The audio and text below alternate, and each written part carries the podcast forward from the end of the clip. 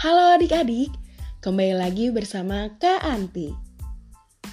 Kali ini kita akan belajar mengenai hewan sahabatku yang ada pada tema 1. Adik-adik di rumah, adakah yang mempunyai hewan peliharaan? Baik itu kucing, anjing, kura-kura, ikan, ataupun ayam? Hewan-hewan tersebut, jika adik-adik ketahui, bahwa mereka semua memiliki keberagaman dalam perkembangbiakannya. Nah, adik-adik, apakah kalian tahu apa saja macam-macam perkembangbiakan hewan? Eits, jangan khawatir. Jika kalian belum tahu, mari kita cari tahu bersama-sama.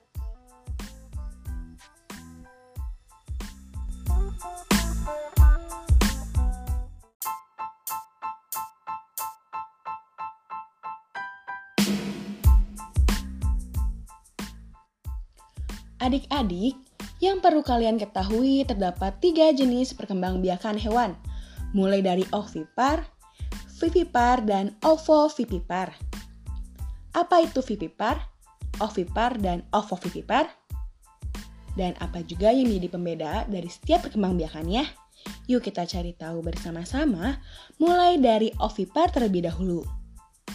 Ovipar ini merupakan perkembangbiakan dengan cara bertelur – embrio hewan ini berkembang di dalam telur dengan memanfaatkan cadangan makanan yang ada di dalam telur. Sedangkan telur berada di luar tubuh induknya agar menetas. Dan ketika sudah menjadi telur, biasanya telur akan diirami oleh induknya. Contoh dari hewan ovipar ini adalah ikan, reptil, amfibi, dan burung. Nah, yang kedua ini yaitu hewan vivipar di mana perkembangbiakan dengan cara melahirkan.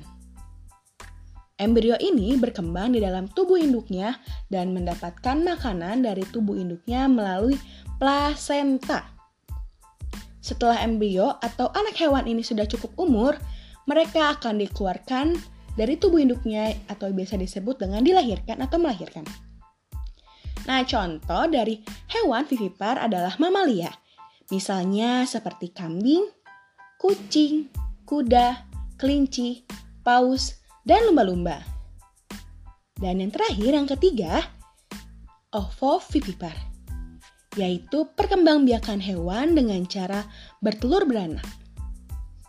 Embrio hewan ini berkembang di dalam telur yang masih ada atau berada dalam tubuh induknya.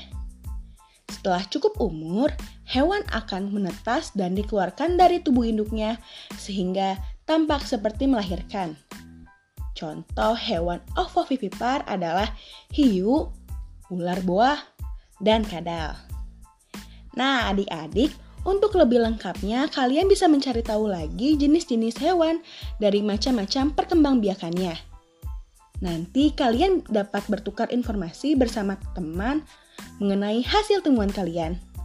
Selamat mencoba!